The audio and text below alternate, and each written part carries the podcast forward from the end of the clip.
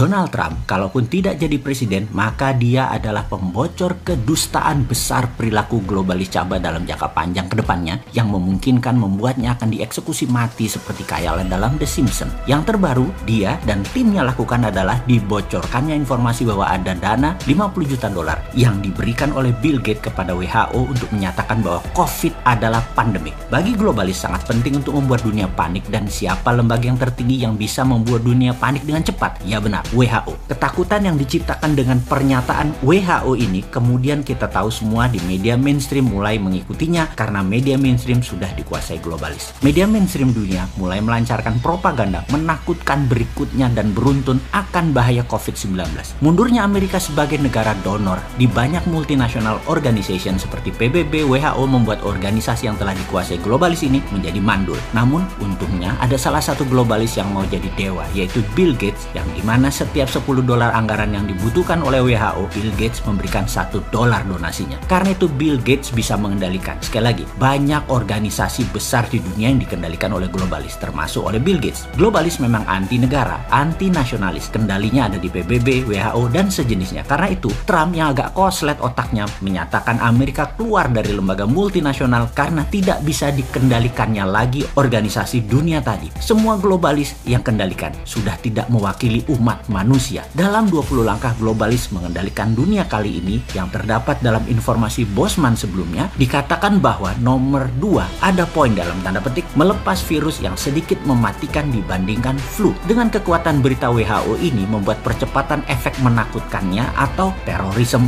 4.0 dikerjakan oleh WHO. Faktanya sekarang semua sudah terjadi. Dunia mau diriset, dunia mau digeser pengendaliannya. Manusia dibuat dehumanize, tidak manusiawi lagi. Dibuat tidak berinteraksi, dibuat miskin, dibuat banyak pengangguran, diubah cara hidupnya, diubah cara pikirnya. Semua sesuai maunya globalis. Seluruh manusia harus menggunakan toolnya globalis. Seperti software, sosmed, payment system, database manusia disatukan, diawasi, bahkan uang nanti semua punya globalis. Jadi ke depan apa sih sebenarnya untuk bernegara agar Indonesia ini berdaulat, tidak dijajah asing, dan tidak dijajah globalis? Sebenarnya sudah banyak informasi yang kita berikan dalam serial 500 video di awal dan dalam satu setengah tahun belakangan ini. Namun ya ada baiknya kita ingatkan sekali lagi. Awal-awal cerita cara cerdas bernegara ini kita sudah ingatkan bahwa ketika perang dunia ketiga terjadi, maka paling ditakuti adalah pada saat perangnya menggunakan battle space. Bukan lagi battleground atau perang di darat, tapi perang di udara. Kita tahu Amerika dan Tiongkok punya armada keenam, armada perang angkasa yaitu Space Army. Di Indonesia saat ini hanya punya tiga angkatan perang. Amerika punya dua lagi selain Navy, Laut, Air Force, Udara atau Army Darat, yaitu mereka punya Marine dan Coast Guard. Ditambah sekarang punya angkatan perang keenam yaitu Space Army. Karena itu Tiongkok juga punya enam angkatan perang ditambah Tiongkok sudah siap dengan software penanding Amerika, WA, Facebook, IG, Twitter. Tiongkok punya Weibo, punya Renren, punya Baidu dan banyak lagi di mana semua produk asing tidak boleh beredar sampai produk nasional tersebut menguasai lebih mayoritas dari pasar, lebih dari 60-70%. Saran kita,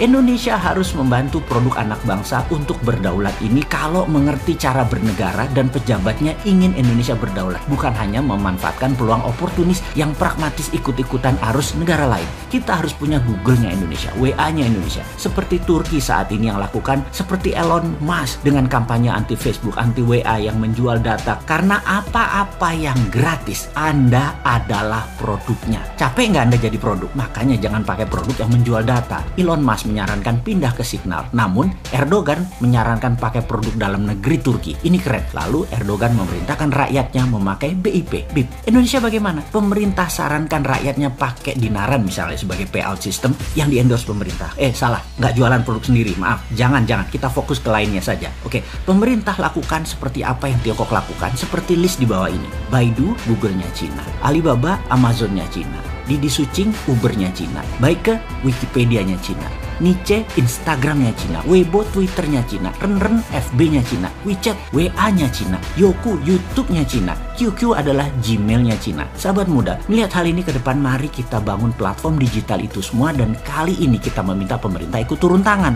Tiru apa yang Tiongkok lakukan untuk negaranya yaitu protek kepentingan nasional. Setelah kita membangun ratusan platform tadi, maka pemerintah dengan gagah berani harus melakukan apa yang sebuah negara revolusioner berani lakukan. Seperti Tiongkok, seperti seperti Turki. Uber tidak boleh masuk Cina sampai Didi Sucing menguasai lebih dari 70% pasar. Alibaba menguasai lebih dari 70% pasar. Baru Amazon boleh masuk. WeChat menguasai mungkin lebih dari 60%. WA baru boleh masuk. Weibo menguasai 60%. Baru Twitter boleh masuk. Itu nasionalis namanya. Pejabat kalau berani begini itu baru namanya patriotis. Walaupun nantinya perusahaan tadi walaupun mayoritas pemerintah Tiongkok masuk ke dalamnya. Tapi tidak apa-apa. Mereka tetap nasionalis dan kalian sahabat muda harus bisa membangun platform ini semua sehingga pemerintah melakukan tindakan proteksi tadi, kalian sudah siap. Sekali lagi saya ingatkan, tiga tahun ke depan adalah masa yang sangat cepat dan kita semua tahu dalam waktu 3 sampai 6 bulan ini saja kalian bisa membangun semua platform tersebut. Kemudian di semester kedua tahun ini, di tahun 2021 ini mulailah jalankan platform-platform tadi. Sehingga cara sederhana bisa kita kalkulasi di tahun 2022 besok ketika mungkin 50% 5G sudah menjadi platform komunikasi ditambah aplikasi sosmed yang beragam tadi sudah milik bangsa, Indonesia sudah menjadi negara digital.